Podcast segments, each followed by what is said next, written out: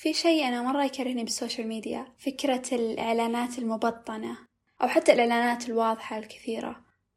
لأنها تخليك مرات تحس إنك تحتاج شيء معين رغم إنك ما تحتاجه أصلا وما راح يطري على بالك لو ما شفته في ال social media. لاحظت أن ال social media مؤخرا خلتني أنسى أنا وش عندي خلتني بس أشوف إيش الأشياء اللي ناقصتني أو حتى ما هي ناقصتني بس خلتني أحتاج أكثر بينما احتياجاتي الحقيقية ما هي بهذا الكم الهائل. نعيش في زمن طغت فيه المادة على الجوهر. صرنا ننساق خلف الماديات وننسى جوهر الأشياء وهدفها الحقيقي. فالسؤال هو هل فعلا اقتناء أغراض أكثر يحقق لنا السعادة؟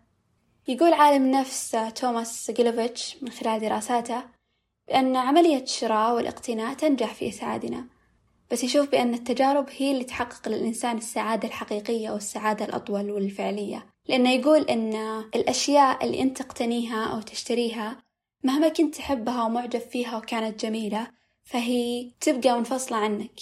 بينما التجارب زي مثلا إنك تسافر أو تتعلم مهارة جديدة تندمج فيك وتدخل في تكوينك وشخصيتك.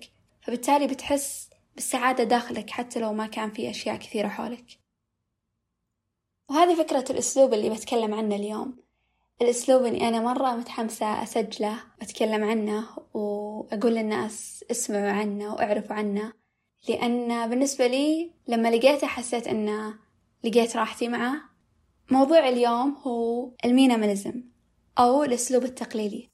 الأسلوب التقليدي باختصار يقول لك تخلص وتحرر من الأشياء الزائدة أو الغير ضرورية. تعلم أو تدرب تقول أنا مكتفي بدال أنا أحتاج. شوف المعاني بالأشياء بدال لا تركز على مظهرها وعلى الكمية. يهدف هذا الأسلوب إلى محاربة الاستهلاكية والتخلص من مشكلة التكديس. ولما أقول تكديس التكديس طبعا شيء غير عن التجميع. يعني هذا الأسلوب ما يقول لك وقف تجمع إذا كانت هوايتك التجميع. لأن الشخص اللي يهوى التجميع مثلا على سبيل المثال اللي هو تجميع الطوابع يجمعها بطريقة منظمة ومرتبة يعرف إيش عنده وإيش ناقصة من مجموعته اللي عنده. بينما التكديس هي إنك تشتري أشياء ما أنت بحاجتها أشياء مرة كثيرة وتخليها على جنب وأصلا ما تستخدمها. فيصير عندك تكديس. فهذا الأسلوب يقول لك اعرف إيش تحتاج أو اشتر واقتني ما تحتاجه فقط. تحكم برغباتك الشرائية. فرق بين شيء أنت فعلا تحتاجه وبين اللي شفته مثلا بكثرة فحسيت إنك تحتاجه. وقف تخلي الأشياء اللي حولك تأثر برغباتك الشرائية. فهذا الأسلوب آه باختصار هو إنك تقلل الأغراض اللي حولك أو الأشياء المادية وتكتفي باللي تحتاجه فقط. في ناس تفهم هذا الأسلوب لما نتكلم عنه تفهمه إنه حرمان. بينما هو بعيد كل البعد عن الحرمان. هو أسلوب يساعدك تعرف إيش تحتاج فعلا. ولما تشتري تشتري بوعي وبالتالي بيزيد رضاك عن نفسك وعن ما تملك. بتعرف أصلا إيش تملك. فبالتالي أنت لما تروح تشتري تروح للسوق عشان تشتري حتعرف إيش الأشياء اللي ناقصتك والأشياء اللي فعلا أنت تحتاجها. ما يقول لك قلل ممتلكاتك. عادي يكون عندك أغراض واجد بس أغراضك كلها من جد أنت قاعد تستخدمها وتحتاجها. ما هو بس تكديس للأغراض. فهو فلسفة قائمة على الإيجاز وإنك تتخلص من الأشياء اللي ما تحتاجها وما لها داعي فقط ماخذة مساحة في المكان اللي أنت فيه. بدأ هذا الأسلوب كمصطلح في الستينيات بالفنون البصرية والموسيقى في أمريكا.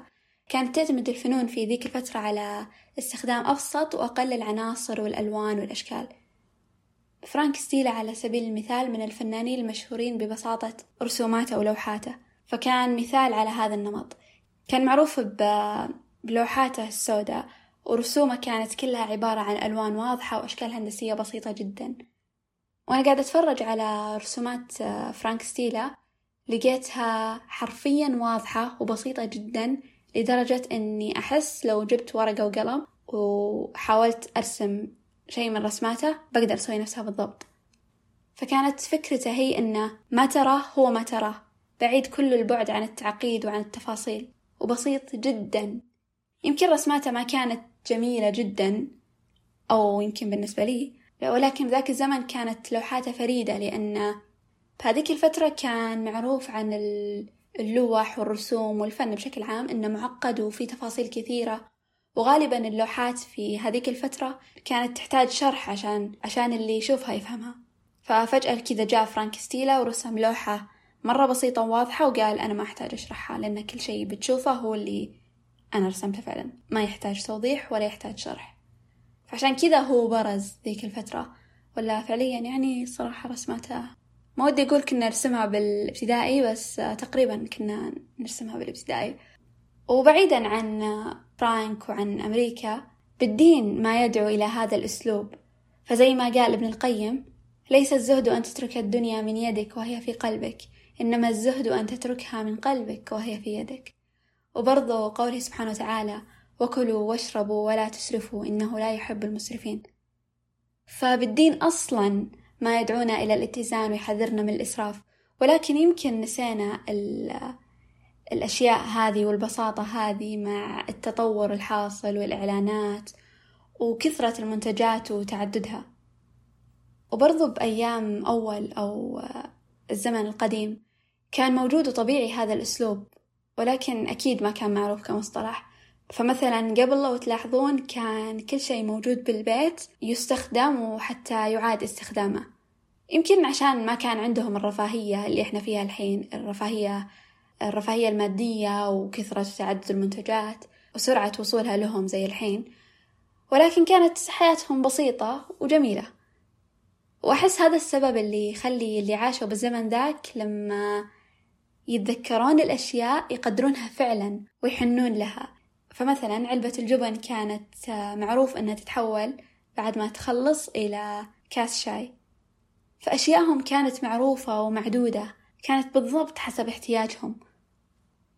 فهذا الأسلوب يخليك تقدر ما تملك تعرف ما تملك ولما تتذكر الأشياء تتذكر معناها. لأن أصلا إحنا ما نتذكر الأشياء لذاتها إلا إذا كان لها معنى أو سبب.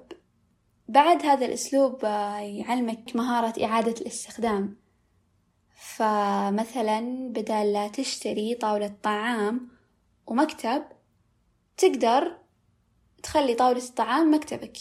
فهو يقول لك خليك ذكي بكيف تستخدم الأشياء. بدال لا يكون عندك شيئين تقدر تستخدمهم نفس الاستخدام خلي عندك شيء واحد تستخدمه فعلا. بعد من الأشياء اللي أحبها بهذا الأسلوب هو أن خصوصا لما بديت أطبقه لاحظت أن التنظيف صار أسهل لأن أغراضي صارت أقل قللتها لما يتناسب مع احتياجاتي و... وصارت منظمة ومرتبة أكثر فأنا لما أجي أرتب وأنظف أعرف أماكن الأشياء بسهولة فالتنظيف حيكون علي مرة أسهل وحتى الوقت صار مرة أقصر. بعد أنا أصدق مرة أن المكان لما يكون مرتب ومنظم هذا يأثر على أفكارك وطريقة تفكيرك لأن المشتتات حولك بتقل ف... فبتزيد أفكارك الرهيبة.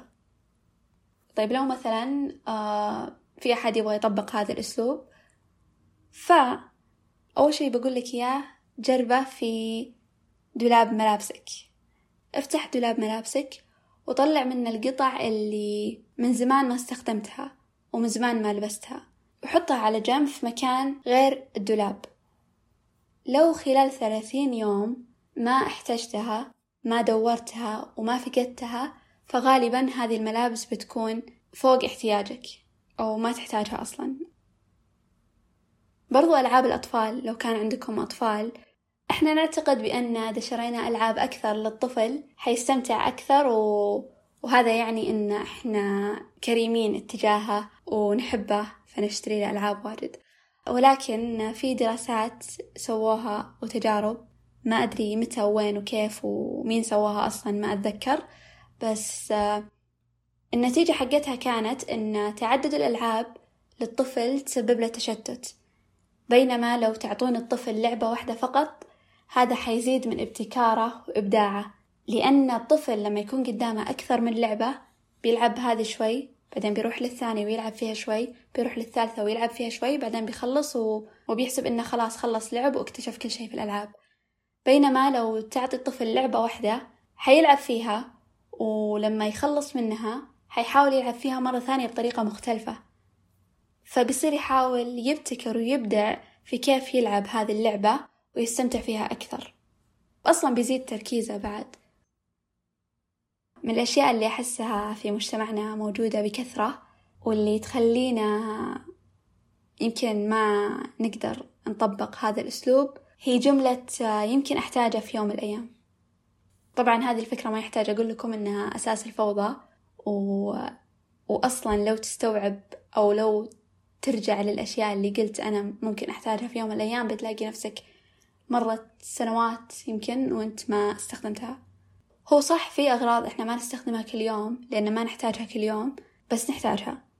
وفي أغراض لو ما استخدمتها كل يوم أو كل يومين أو كل ثلاث أيام أو بين فترة وفترة فهذا من جد يعني ما تحتاجها. فتقدر تفرق لو تبغى تفرق بين الأغراض اللي ما نستخدمها كل يوم بس بيجي يوم من الأيام نحتاجها وبين اللي لا والله مفروض أنا أستخدمها كل يوم أو كل يومين أو بين فترة وفترة بس أنا مو قاعد أستخدمها. لما بديت أطبق هذا الأسلوب بديت بالكتب والروايات اللي عندي. أنا ما كنت أقرأ كتب إلكترونية بس هذه الفترة بديت أحاول أقرأ إلكتروني. وطلعت كل الروايات اللي عندي والكتب.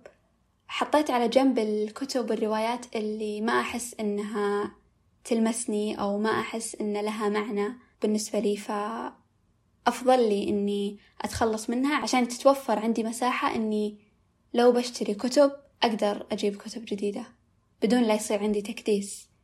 فطلعت الكتب والروايات اللي ما أحس إني أبغاها أو اللي من زمان قريتها وشريتها فحاليا هذا النوع من الكتب أو الروايات ما أحبه. فتخلصت منها لأن لأن كنت أبغى مساحة أقدر فيها أجيب كتب وروايات جديدة أحبها. فخليت بس الكتب والروايات اللي من جد تعني لي واللي من جد أنا أحبها واللي واللي من جد ما أقدر أتخلص منها حتى لو أنا خلصت من قرايتها. فطبيعي إن في أشياء أنت ما تقدر تتخلص منها لأنها تحمل ممكن ذكرى أو معنى بالنسبة لك. وهذا عادي جدا وأشوف إنه جميل أصلا. هذا هو اللي المينيماليزم يقول لك عنه. إذا الشيء اللي أنت تملكه تحتاجه فخله عندك. أو إذا الشيء هذا اللي قدامك يحمل معنى بالنسبة لك فأوكي خله عندك. تعلم تتخلص من الأشياء اللي ما في بينك وبينها أي رابطة وما تحتاجها. لأن هذا بيوفر لك مساحة أكبر إنك تقتني وتشتري أشياء من جد تحبها وتعني لك وأشياء من جد أنت تحتاجها. هذا الأسلوب ساعدني مرة أعرف إيش ناقصني لما بديت أطبقه خصوصا بالملابس. لما طلعت الملابس اللي من زمان ما استخدمتها على جنب واكتشفت إني من جد ما أحتاجها وتخلصت منها صار عندي مساحة بالدولاب فبهذه المساحة بديت أجيب الأشياء اللي ناقصتني من جد. وأصلا ما عرفت إيش ناقصني غير لما طلعت الأشياء اللي ما أحتاجها. فباختصار شديد الأسلوب التقليلي هو أسلوب قائم على فلسفة الإيجاز. يقول حياتك بتكون أفضل بامتلاك الأقل وبامتلاكك للأشياء اللي من جد تحتاجها واللي على الأقل في بينك وبينها رابطة. يقولك تخلص من الأشياء الغير ضرورية عشان يصير عندك مساحة للأشياء الضرورية. ركز على الجوهر وهدف الأشياء بدال المادة والشكل. في ناس ما تحب هذا الأسلوب لأن تحب تكون في مكان مليان أغراض. وهذا عادي وطبيعي لأن اختلاف شخصيات واختلاف أصلا احتياجات ولكن قبل تشتري أي شيء اسأل نفسك ثلاث أسئلة هل أحتاجه؟ هل ضروري وما له بديل عندي؟ هل بستخدمه فعلا أو إنه بس مع الهبة وفترة كذا بعدين بطفش منه؟ اعرف إيش تحتاج واحتفظ باللي تحتاجه فعلا ولو تبغى تعرف أكثر عن هذا الأسلوب ففي فيلم وثائقي على نتفليكس اسمه Minimalism فيلم جميل جدا أنا شفته وتابعته ويشرح الفكرة والأسلوب بطريقة حلوة فلو حبيت الموضوع وأثار اهتمامك فروح شوفه.